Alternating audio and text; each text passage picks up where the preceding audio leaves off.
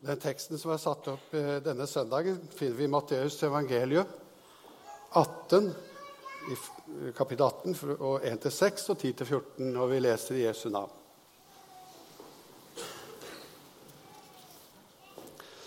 Nettopp da kom disiplene og spurte Jesus, 'Hvem er den største i himmelriket?' Da kalte han til seg et lite barn stilte midt iblant dem og sa:" Sannelig, jeg sier dere, uten at dere vender om og blir som barn, kommer dere ikke inn i himmelriket. Den som gjør seg selv liten som dette barnet, han er den største i himmelriket. Og den som tar imot et slikt lite barn i mitt navn, tar imot meg. Men den som lokker til fall en av disse små som tror på meg, han var bedre tjent med å få en kvernstein hengt om halsen og bli senket i havets dyp. Pass dere for å forakte en eneste av disse små. For jeg sier dere, de har sine engler i himmelen som alltid ser min himmelske Fars ansikt. Menneskesønnen er jo kommet for å berge de bortkomne. Hva mener dere? Dersom en mann har hundre sauer, og en av dem går seg vill, lar han ikke da de 99 være igjen i fjellet og går og leter etter den som kommer på avveier? Og skulle han finne den, sannelig, jeg sier dere, da gleder han seg mer over denne ene enn over de 99 som ikke har gått seg vill. Slik ville heller ikke deres far i himmelen at den eneste av disse små skal gå tapt. Herre, dette var ditt ord til oss i dag. Ditt ord er sannhet. Hellige du oss i sannheten. Amen.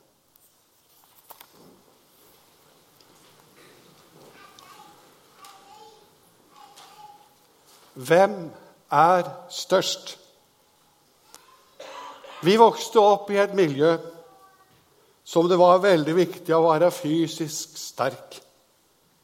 Der var sagbruk, der var sementvarefabrikk, der var tømmerhoggere som lå i skauen hele uka, og som kom hjem på lørdagskvelden og så vidt fikk vært hjemme et døgn og, og vasket seg og stelt seg og spist seg opp og så drog de ut i skauen igjen, og der arbeidet de hele uka. De løfta på disse tunge tømmerstokka og la det oppå bukk og geit. Og hestene dro dem ifra skauen og så innover mot lasteplassen. Og det var et hardt arbeid. Det var mye fysisk slit. På sementvarefabrikken, der som jeg vokste opp imellom disse rørene, der var det 50 kilos sementsekker. Og min far han bar samtidig seks stykker av dem på ryggen. 300 kilo.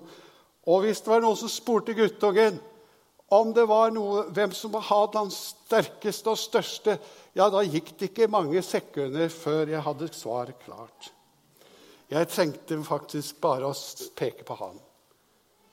Dessverre så har det kommet trucker skogsmaskiner osv., slik at det ikke lenger er behov for sterke mannfolk.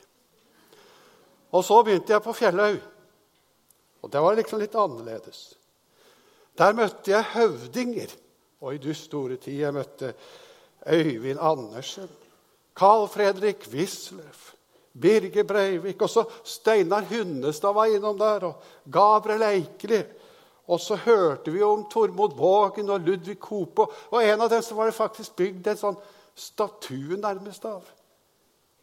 Høvdinger. De var store, de var sterke, og de var klartenkte, og vi så opp til dem. Slik som jeg fordum så opp til disse som hadde fysisk styrke. Og slik kunne jeg ha fortsatt på samfunnsområde etter samfunnsområde. Det er liksom noen helter der ute. Iallfall så var det det, og som vi fikk se opp til.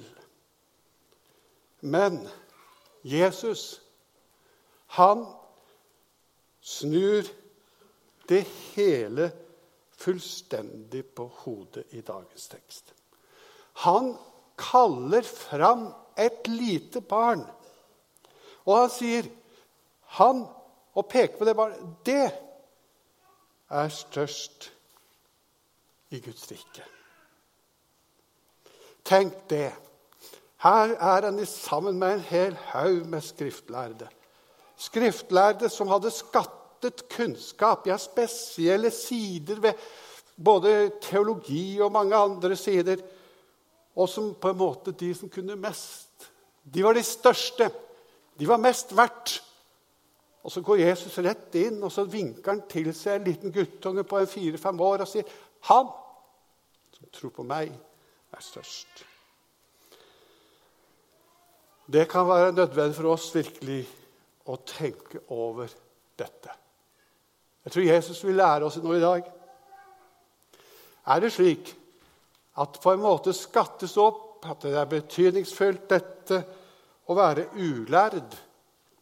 Dette å være barnslig? Dette å være liksom naiv? Er det det som Jesus skatter i denne teksten? Nei, jeg tror det er noe annet. Det er kvaliteter hos dette lille barnet som er stort i forhold til vårt trosliv. Små barn som tror på meg. I Salme 8 så står det fra barns, småbarns og spedbarns munn har du reist et vern mot dem som står deg imot. Hva er det? Er et lite spedbarn på en måte kraftfullt? Er det noe å satse på?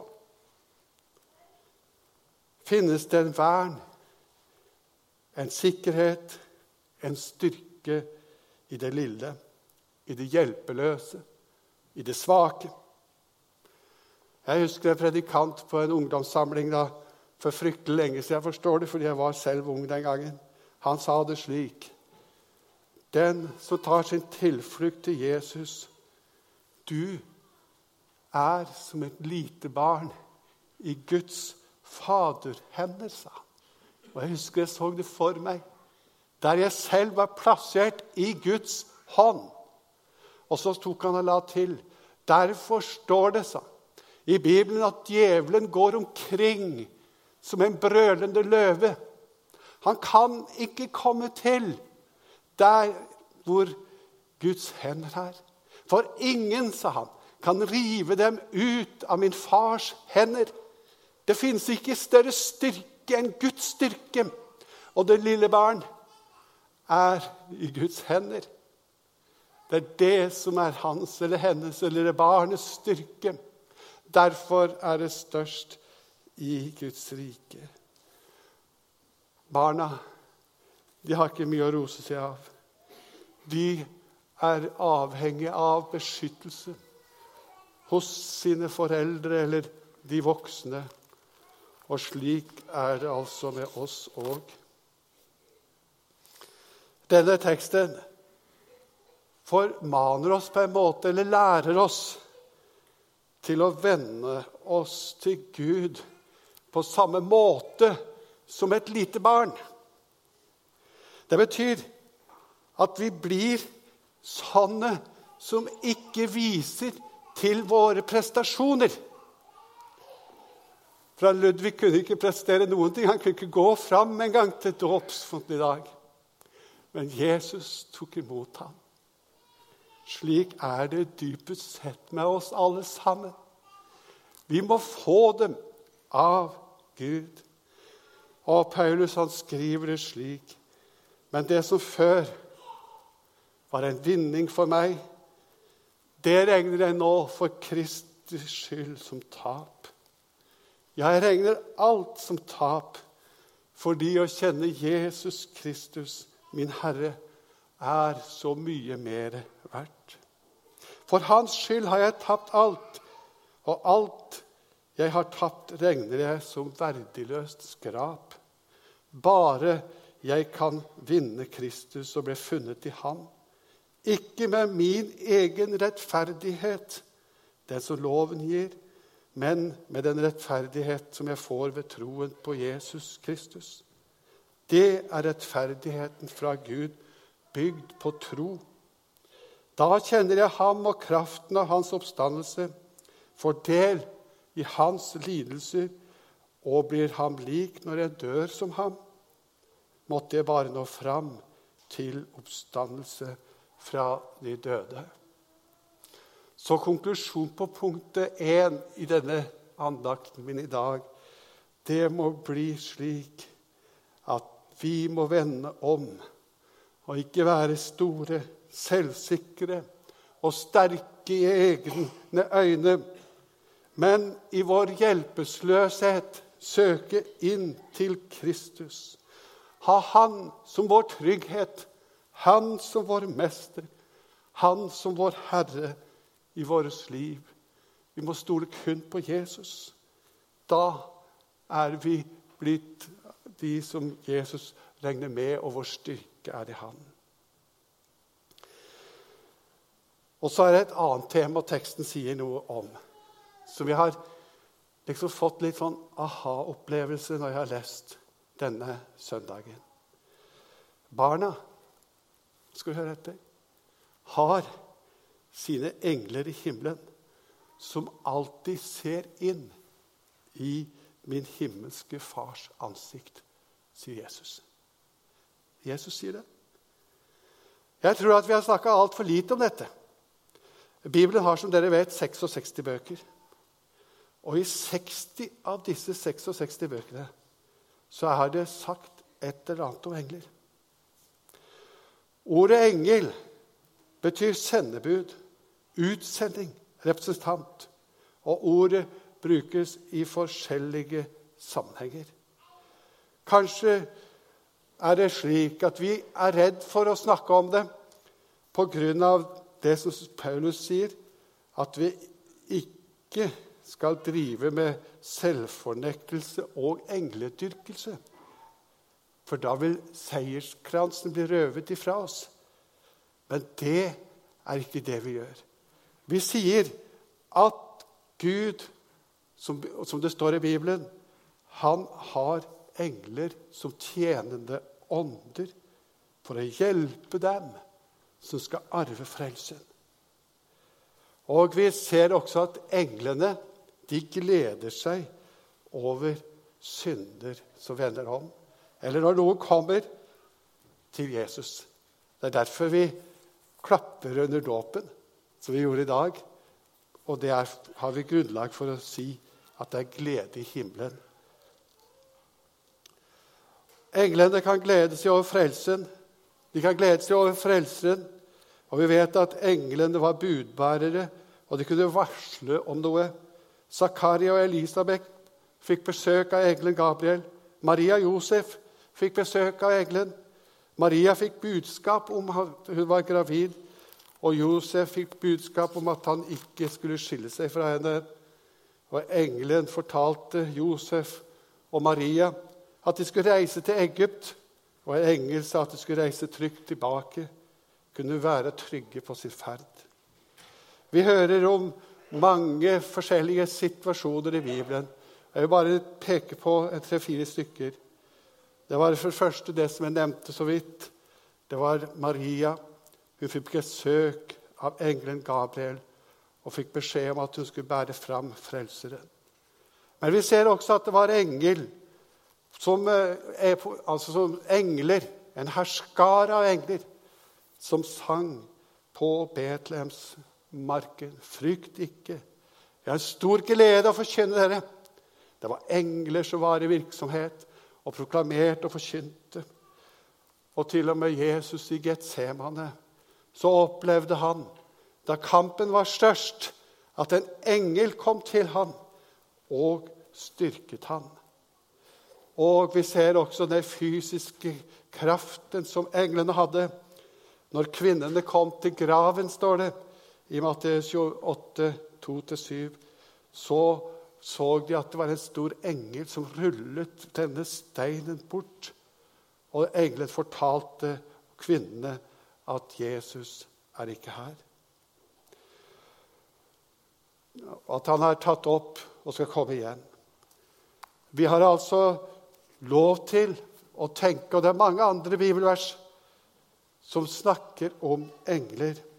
Og hvis vi har vært på et seminar nå, så kanskje jeg skulle ha fått dere til å ha tatt et lite minutt og så komme og fortelle hverandre om noe som du har opplevd i livet ditt. At det kanskje var en spesiell hendelse, som det skjedde noe uventet. Og at det kanskje var en engel som var til stede og hjalp deg. Som var et utsending fra himmelen. Men teksten sier altså Pass dere for å forakte en eneste av disse små. For jeg sier dere, de har sine engler i himmelen, som alltid ser min himmelske Fars ansikt. Det kan kanskje være det bibelordet som ligger til grunn for tanken om at hvert enkelt barn har en skytsengel, en engel, som beskytter oss. Vi som er i Misjonssambandet, vi er oppflasket med en historie fra Kina. Eh, dere husker, og dere, jeg regner med nesten alle sammen her har hørt om det. Det var misjonærene som var samlet i bønn. Og så hørte vi om at røverne skulle komme, eller de hørte om at røverne skulle komme. Og det var bare tre-fire misjonærer, sier Asbjørn Aavik, som lå der og ba, ba til Gud. Men plutselig så snudde røverflokken og for tilbake, livredde. Og så spurte de er det to murer utenfor denne byen. Er det to murer der? På den ene muren sto det noen store menn med, med store sverd. Har det kommet andre soldater hit? sa de. De var engler på muren som beskyttet misjonæren i en vanskelig situasjon. Men eh, jeg tror vi skal si dette her også på den måten at teksten snakker om hvordan vi oppfører oss overfor barna. Og det vil være neste punkt jeg skal si noe om. Det skal, det skal ikke forføre eller forakte en av disse små. Det er altså en engel står det, som står foran den himmelske Fars ansikt. Og om du eller jeg eller noen annen forakter eller forfører en av disse små, så blir det umiddelbart rapportert til Far i himmelen. Det er det Jesus sier. Det blir umiddelbart rapportert til Far om det er et av disse små barna som tror på ham, som lider overlast. I gamle dager så hadde prestene store krager rundt halsen sin. Det husker dere som er eldre. Og hvorfor hadde de det? Det var for å minne dem om det veldige ansvar som en prest, forkynner, har hvis du forfører en av disse mine små, så var det bedre at det var en kvernstein omkring din hals. Det er et enormt ansvar vi har som forkynner Guds ord. Vi som er foreldre, og du som har med barn og ungdom å gjøre, i skole Du skal peke på Jesus. Den som tar imot disse små barna, han tar imot meg, står det også. Og eh, han sier han vil ikke at et eneste en av disse barna skal gå fortapt. Til slutt litt tilbake. Hvem er det som er størst, var det jeg begynte med. Hvem er størst? Somme tider så tenker vi at det er liksom erfaring, kunnskap, makt på så mange måter som viser hvem som er størst. Men Paulus også snur dette bitte litt Han gir en nyansering, i hvert fall. Han skriver til sin unge medarbeider Timoteus.: La ingen forakte deg for din ungdoms skyld, men vær du et forbilde i lære, i tro osv. Jeg har tenkt en del på det. Jeg tror ikke vi kan fatte dybden i det, hva det betyr. Som regel så sier vi jo at de eldre skal lære de yngre, og det er nok rett. Men her er det slik at Paulus sier at de unge kan være forbilder for oss. Og barna, sies teksten i dag, er et forbilde for oss. Jeg hadde tenkt i dag skulle vi hatt med oss en fra Young Life som skulle fortelle vitnesbyrd. Men vi har ikke fått tid til det nå. Vi skal føre høre det en gang senere.